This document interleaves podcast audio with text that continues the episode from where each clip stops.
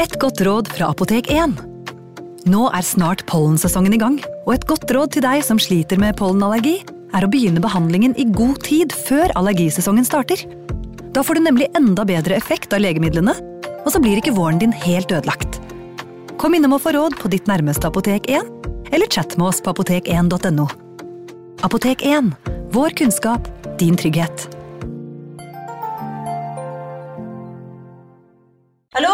Jeg kommer fra Oslo politikammer.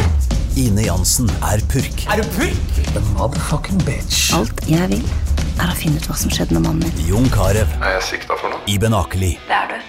Ole So, Lars Berrum og Big Daddy Karsten. Hvem sin side er du på, egentlig? Anette Hoff, Tone Danielsen, Kommer du fra Afrika? Jørnis Josef, Nesten. Kløfta. Trond Espen Seim, Det er synd å si det, men det var feil mann som døde. Purk. Premiere tirsdag på TV2 Play. Hei! Takk for at du lytter til True Crime Podden dokumentar. Skulle du ønske at du kunne høre en ny episode av denne podkasten hver eneste uke? Vel, da er det bare å laste ned podkastappen Untold med en gang. I tillegg til ukentlige episoder av podkaster som Skrekkpodden, Synderne og True Crime Podden, får du masse annet reklamefritt og eksklusivt innhold. Last ned Untold i AppStore eller Google Play, og start din 30 dagers prøveperiode i dag. you.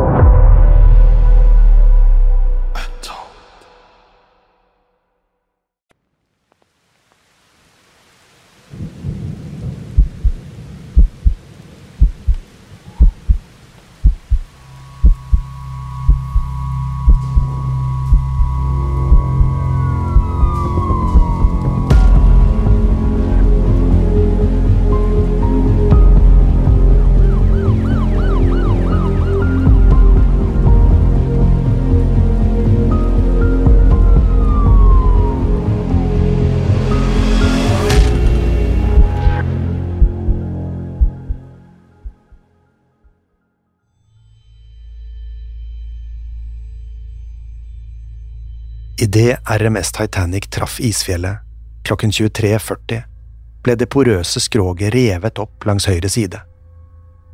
Førsteoffiser på broen, William Murdoch, beordret styrmannen til å svinge unna så godt han klarte, men det var nytteløst. Isfjellet hadde allerede flerret opp en tredjedel av skroget under vannflaten.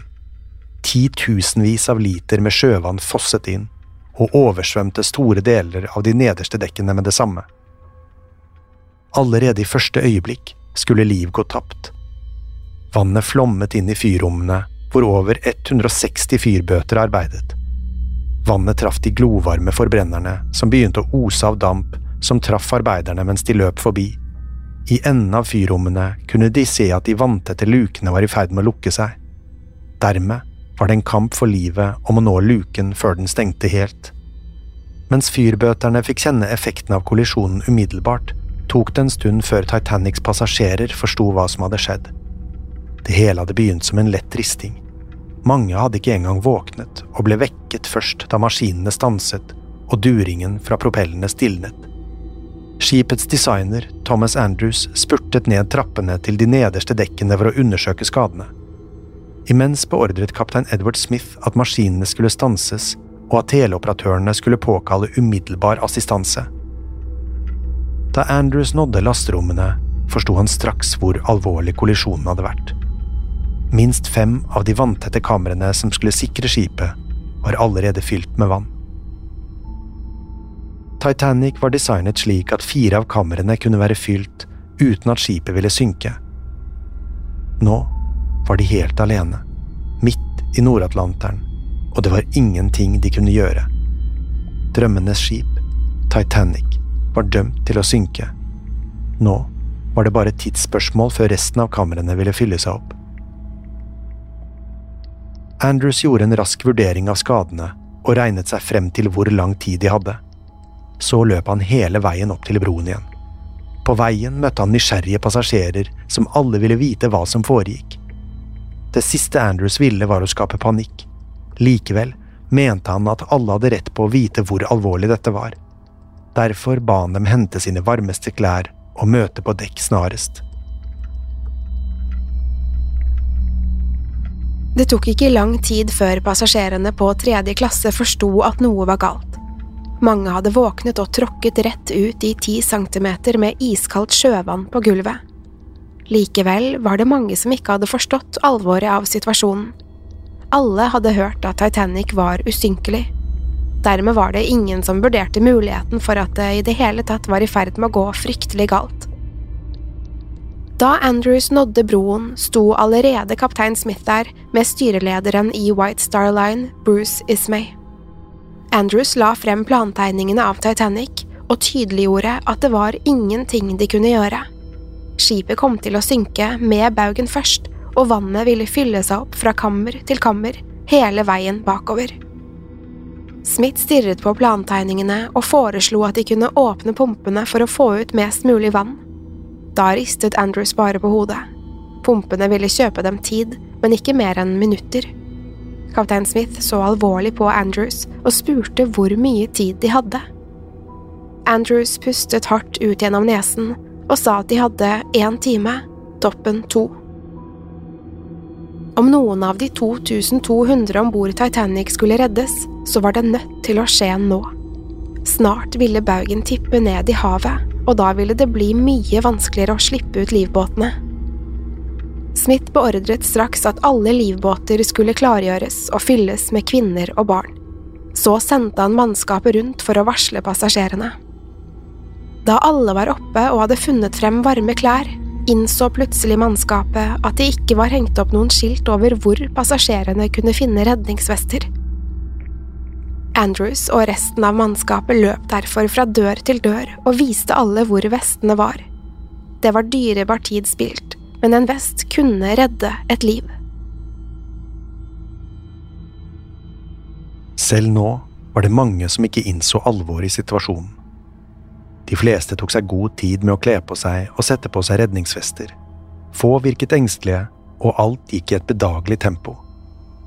De visste ikke at dypt i Titanics indre ble lasterommene og kamrene jevnt og trutt fylt med iskaldt sjøvann. Mange av passasjerene på første klasse tok seg til og med tid til å ta på seg smykkene og finstasen sin. I et forsøk på å holde stemningen rolig, ble skipets restauranter og kafeer åpnet. Titanics rikeste satte seg inn i varmen og drakk kaffe og brandy mens de ventet på instrukser. Imens ble de 20 livbåtene klargjort for nedsenking. Kaptein Smith visste godt at det kun ville være plass til omtrent halvparten av passasjerene. Dermed var det viktig at hver og en av båtene ble fylt opp før de ble sendt ut.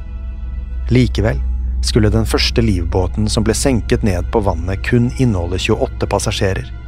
Hver livbåt kunne ta opptil 65 personer, så allerede nå var det noe som gikk fryktelig galt. Deretter ble livbåtene senket ned én etter én, men de fleste var langt fra fulle. En av båtene skulle forlate Titanic med kun tolv passasjerer om bord. Kaptein Smith var rasende da han fikk se de halvfulle livbåtene på vannet, og forlangte at mannskapet skulle gjøre noe med det. Selv om mange nå begynte å se at dette muligens var mer alvorlig enn først antatt, var det langt ifra alle som tok situasjonen like seriøst. Skipets rikeste og mektigste passasjer, John Jacob Astor, mente det ville være mye tryggere om bord Titanic. Han reiste med sin gravide kone Madeline og ville ikke utsette henne for stresset. Derfor bestemte han at de skulle bli værende. Andre passasjerer hadde en ganske annen tilnærming til situasjonen. Førsteklassepassasjer Molly Brown forsto straks hvor alvorlig dette var, og gjorde alt hun kunne for å få flest mulig opp i livbåtene. Hun begynte å kommandere andre passasjerer og fortalte dem hvor de skulle sitte. Samtidig som livbåtene ble fylt opp på de øverste dekkene, sto tredjeklassepassasjerene fremdeles igjen under dekk. De hadde i utgangspunktet ikke tilgang til dekkene der livbåtene var, og den regelen holdt mannskapet på. Mange trodde fortsatt de hadde god tid. Derfor ble passasjerene fra tredje klasse holdt igjen, mens førsteklassepassasjerene fikk sette seg i livbåtene. Stadig mer sjøvann fosset inn i lasterommene, maskinrommene og lugarene på tredje klasse. Det tok ikke lang tid før Titanics baug lå dypt under vannflaten. Imens begynte akteren på skipet å reise seg sakte ut av vannet. Det var først da han så dette at John Jacob Astor innså farene ved å bli på skipet. Derfor plasserte han sin gravide kone i en livbåt og tok farvel.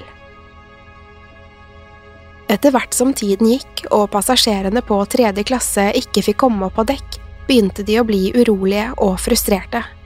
De var fanget under dekk, og vannet kom stadig nærmere. Noen få kvinner og barn hadde fått slippe gjennom, men det var fremdeles mange igjen. Snart begynte det å bryte ut panikk og slagsmål. Folk kjempet om de siste redningsvestene og forsøkte å tvinge seg gjennom portene for å komme seg ut. Så snart barrikadene var brutt, strømmet de over 700 passasjerene fra tredje klasse opp på dekk. Mange forsøkte å hoppe ut på livbåtene som allerede var på vei ned i vannet, mens andre kastet seg ut i den iskalde sjøen. De klamret seg fast i hva enn de kunne finne, i håp om å holde seg over vannet. Da Thomas Andrews fikk se at passasjerene hadde begitt seg ut på det åpne havet, begynte han å kaste møbler over bord, i et forsøk på å gi svømmerne noe å holde seg fast i. De siste vitneobservasjonene av Andrews var nettopp dette. Alle så hvordan han kjempet for å redde flest mulig, helt til siste slutt. Mens klokken passerte ett den natten, og Titanic hadde sunket i en drøy time, ble også Molly Brown plassert i en livbåt. Først hadde hun nektet, fordi hun ville hjelpe til å organisere passasjerene i båtene, men det hjalp ikke. Nå var det hennes tur, og hun måtte sette seg. I den samme båten ble Frederick Fleet, utkikkeren som først oppdaget isfjellet, plassert. Sammen med en offiser ble han satt til å lede båten. Nok en gang ble livbåten satt på vannet med langt færre passasjerer enn den hadde plass til. Molly protesterte og tryglet om at de skulle snu og plukke opp flere folk, men det var nytteløst. Offiseren var redd de ville bli svermet av desperate overlevende og bli dratt under. Likevel ga ikke Molly seg, før offiseren truet med å kaste henne over bord. Da satte hun seg rolig ned og gjorde som hun fikk beskjed om. På samme tid tenkte hun på hvordan hun kunne redde så mange som mulig. Hun trengte en plan, og senere den natten skulle hun gjennomføre den. Samtidig klatret konen til varehuseier Isador Strauss, Ida, om bord i en av livbåtene på dekk. Idet hun hadde satt seg, oppdaget hun at ektemannen ikke fulgte etter henne. De var begge passasjerer på første klasse og hadde fått tilbud om en plass i livbåtene. Da hun spurte hvorfor han ikke kom, ristet han bare på hodet. Han nektet å bore livbåtene før samtlige kvinner og barn hadde forlatt skipet. Uten å nøle klatret Ida ut av livbåten igjen og grep om Isadors hånd. Så stirret hun ham rett i øynene og sa at om han ble, kom hun også til å bli. De hadde vært sammen gjennom alt. Dit han dro, dro hun, og hvis de skulle gå ned med Titanic, skulle de gjøre det sammen. Ida tok av seg den tykke pelskåpen sin og ga den til en av tjenestepikene sine. Så ba hun jenta ta hennes plass i livbåten Siste gang Isador og Ida ble sett, var hånd i hånd på dekk mens vannet strømmet inn. Senkingen av de resterende livbåtene på Titanic var et eneste stort kaos. Flere rep som holdt båtene stødige, raknet og sendte dem tumlende over dekk. Noen av livbåtene bikket over ende da de ble forsøkt løftet over skipsripen. Det var til og med noen av båtene som ble senket ned oppå andre livbåter. Det var tydelig at mannskapet ikke hadde øvd på en krisesituasjon. Det sies at en slik øvelse var planlagt den samme ettermiddagen, men at den aldri ble gjennomført. Enda en time skulle gå før den aller siste livbåten ble satt på vannet og rodde bort fra forliset. Igjen på Titanic var det 1500 mennesker. Med den siste livbåten forsvant også alt håp. Resten av passasjerene og mannskapet var dømt til å gå ned med skipet. Ute i livbåtene kunne de høre de forferdelige skrikene og ropene om hjelp, men ingen turte å gjøre noe. Frykten for å bli veltet over ende eller dratt ned med skipet var for stor. Selv så fryktinngytende de grusomme hylene var, var det én ting som var enda mer skremmende. Synet av Titanics tilstand var nok til å skremme flere fra å noen gang reise til havs igjen. Baugen på skipet var nå helt dekket av sjøvann, og akteren var hevet flere meter over vannflaten. I en av livbåtene satt en mann med et teppe over hodet. Han stirret mot skipet, der det var på vei ned i dypet, mens han gjorde alt han kunne for å skjule ansiktet. I det som ville være en av de siste livbåtene, hadde styreformannen i White Star Line, Bruce Ismay, reddet sitt eget skinn. Til å begynne med hadde han hjulpet til med å klargjøre livbåtene, men da hans side av skipet var tømt for kvinner og barn, klatret han i båten selv. På skipet sto fremdeles kaptein Edward Smith på broen og kommanderte mannskapet sitt. Med en diger ropert forsøkte han å kalle tilbake de halvfulle livbåtene, men det var forgjeves. Da han innså at ingen kom til å returnere, avløste han de siste offiserene sine og sa at hver mann måtte redde seg selv. Så forsvant han. Mange mente han tilbrakte sine siste minutter på broen, hvor han tenkte over sine mange bragder. Likevel kunne ingen si det helt sikkert, for ingen var i live til å bevitne det. Om ikke de siste timene på Drømmenes skip hadde vært et mareritt allerede, skulle de siste 20 minuttene før Titanic sank, bli et rent helvete. Baugen sank stadig lenger ned i Atlanteren og løftet akteren høyt opp i været. Fortvilte passasjerer som fremdeles oppholdt seg på skipet, løp mot akteren i håp om å holde seg over vann lengst mulig. Vinkelen skipet holdt var blitt så bratt at det var vanskelig å holde seg oppreist. Mange ramlet bakover mens de løp og rusjet nedover dekket, der de kolliderte med vegger, benker, skipsutstyr og hverandre før de ble slynget ut i det iskalde vannet. Så snart man hadde truffet vannflaten, fantes det ikke noe håp. Da ble de fleste dratt ned av dragsuget eller frøs i hjel. De to fremste pipene på skipet løsnet fra festene sine og hamret ned i vannflaten, der desperate passasjerer plasket hjelpeløst rundt. Om man oppholdt seg der de digre pipene traff, ble man knust under den enorme vekten. De tykke vaierne som hadde holdt pipene fast, pisket i vannet og traff flere av dem som kjempet for livet. De få som kom seg helskinnet til akteren, klamret seg fast i rekkverket mens bena deres lettet fra dekket. Jo brattere vinkelen på skipet ble, desto flere mistet tak i rekkverket. De ramlet ned fra akteren og ble knust mot de digre propellene, eller traff vannflaten med en sånn kraft at de ikke engang rakk å kjenne noen smerte. Så, plutselig, kunne de gjenværende passasjerene høre en buldring fra dypt inne i Titanic. Vekten av akteren hadde blitt for mye for den nedsunkne baugen. Med ett slukket alle lysene på skipet på en og samme gang. Et kollektivt hyl steg opp fra Titanic idet hele skipene raknet på midten. Plankene på dekk sprakk opp og sendte kvist og splinter farende gjennom luften. Akteren, som hadde vært flere meter over sjøen, traff vannflaten med et voldsomt smell og knuste alle som befant seg under. Samtidig forsvant baugen helt under overflaten og dro med seg akteren. Den løftet seg på nytt, til den sto i en fryktinngytende 90 graders vinkel. Baugen løsnet under vann og forsvant ned i dypet. Igjen lå akteren og duppet et øyeblikk, før den også begynte å synke. Langs rekkverket hang det fremdeles livredde passasjerer, uten å vite hva de skulle gjøre. Akteren sank dypere og dypere ned i sjøen, og det fantes ikke lenger noe håp. To og en halv time etter kollisjonen med isfjellet hadde RMS Titanic blitt slukt hel av den mørke Nord-Atlanteren. Drømmenes skip lå på bunnen av havet og var dømt til å bli verdens mest omtalte og omdiskuterte fartøy.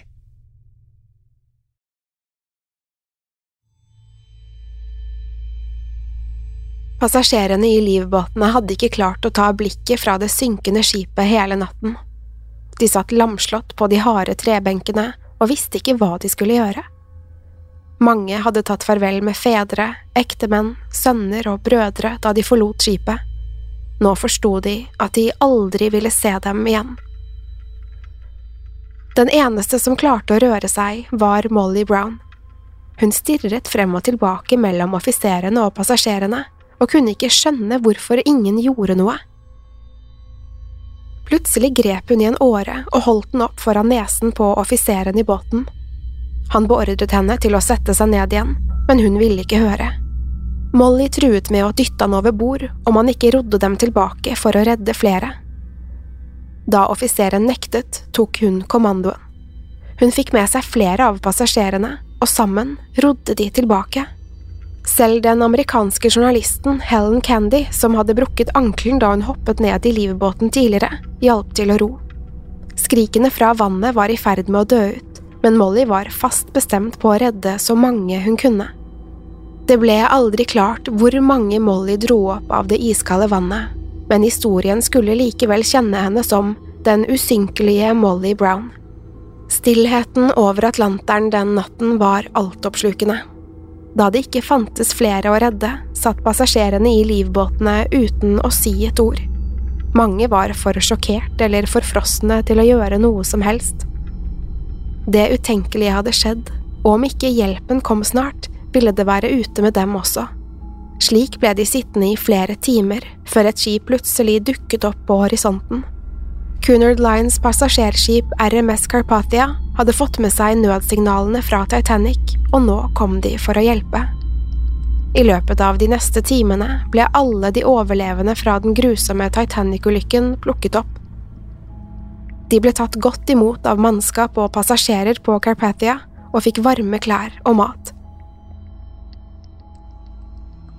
Av de totalt 2200 menneskene som hadde vært om bord Titanic da kollisjonen inntraff, hadde kun omtrent 700 overlevd. Carpathia nådde New York City i løpet av tre dager og ble møtt av nærmere 40 000 mennesker på havnen. Nyheten om forliset var allerede ute, og alle ville se de overlevende. Pressen kastet seg over saken med det samme og prøvde å få klørne i de overlevendes historier. I ukevis var det kun ett tema som preget forsidene. Titanic hadde gått under på sin jomfrutur og dratt med seg 1500 mennesker i dragsuget. Spørsmålet på alles lepper var hvordan kunne noe slikt skje? Titanic var påstått å være usynkelig. Hvorfor var det ikke nok livbåter til alle? Og hvorfor ble ikke faren oppdaget i tide? Søksmålene mot White Star Line haglet fra alle kanter. De rikeste passasjerene hadde mistet smykker og eiendeler for millionbeløp og ville ha erstatning. De fattigste fra tredje klasse, derimot, hadde mistet alt de eide i hele verden.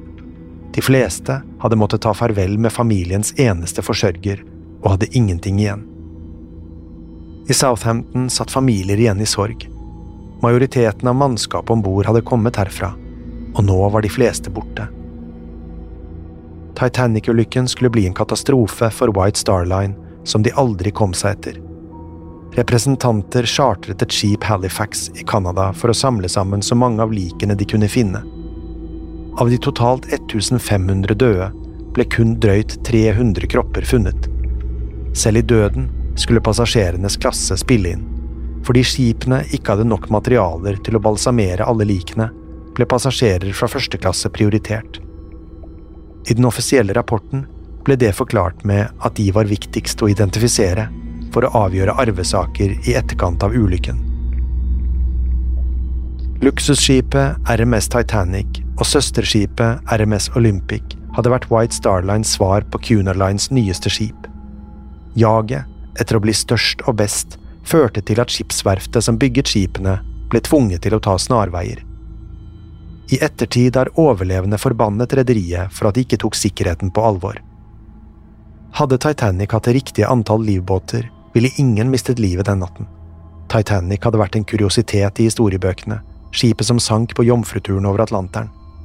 I stedet skulle 1500 mennesker miste livet i en av verdenshistoriens mest kontroversielle sjøfartsulykker. Dermed er skipet like beryktet den dag i dag over 100 år senere.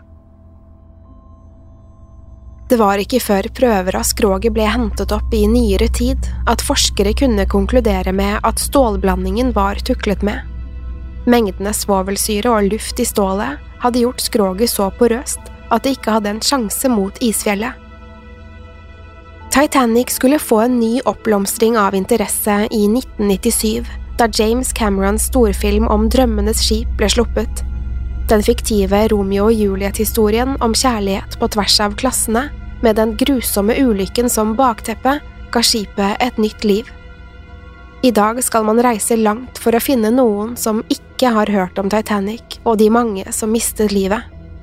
Selv om historien om fattiggutten Jack Dawson og rikmannsdatteren Rose DeWitt Bucater er fiktiv, forteller filmen historien om livet om bord verdens største skip.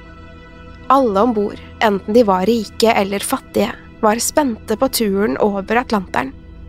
Mange gledet seg til å starte sine nye liv, eller møte gamle venner og familie. Etter så mange år har tragedier som Titanic-ulykken en tendens til å bli glorifisert. Likevel er det ikke til å komme unna at de 1500 passasjerene som var igjen, opplevde et rent mareritt. I sine siste minutter kjempet de for å holde seg over det iskalde sjøvannet, mens de klamret seg fast til sine kjære. Imens satt 700 overlevende i livbåter på det store havet og var vitne til det grusomme som foregikk rett for øynene deres. Verdens største og mest luksuriøse skip, RMS Titanic, skulle være et nytt kapittel for passasjerene. De skulle oppleve nye verdener og få de livene de drømte om. I stedet ble over to tredjedeler av alle om bord slukt av den digre, mørke Atlanteren.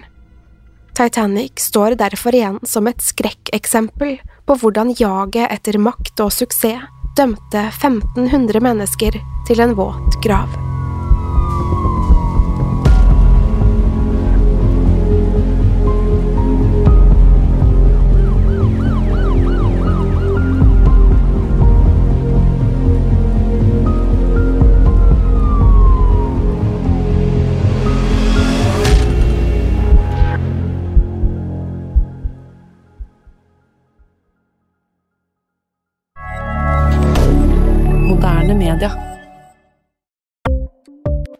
Ukens annonsør er Folio, en smartere banktjeneste for deg som har en egen bedrift eller ønsker å starte for deg selv. Folio er en superenkel nettbank for bedrifter. Som kunde i Folio får du en bedriftskonto med et bedriftskort og app. I denne appen er det smarte løsninger som forenkler regnskapet ditt, uansett om du har en liten bedrift eller et enkeltpersonsforetak. Folio er både intuitivt og brukervennlig, og er laget med et enkelt språk. I tillegg tilbyr de forutsigbare priser og ingen skjulte gebyrer. Skulle du likevel trenge det, så kan du snakke med deres raske og hyggelige kundeservice, og der får du prate med en faktisk person og ikke en chatbot. Folio er med andre ord både enklere og koseligere enn banken. Over 10 000 bedrifter har allerede valgt Folio som sin banktjeneste, så besøk folio.no og se hvordan Folio kan forenkle din hverdag også. Har du et enkeltpersonforetak eller en liten bedrift? Da er du sikkert lei av å høre meg snakke om hvor enkelt det er med kvitteringer og bilag i fiken, så vi eh, gir oss her, vi. Fordi vi liker enkelt. Fiken superenkelt regnskap. Kiwi er billigst i VGs matbørs og har vært billigst i fire av de fem siste VGs matbørser. Og nå presser vi prisene på frukt og grønnsaker.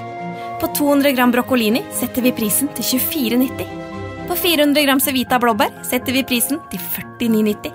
Og husk, alle Kiwi Pluss-kunder får i tillegg 15% trumfbonus på all fersk frukt og grønt. For det er vi som er prispresserne. Og vi i Kiwi gir oss aldri på pris.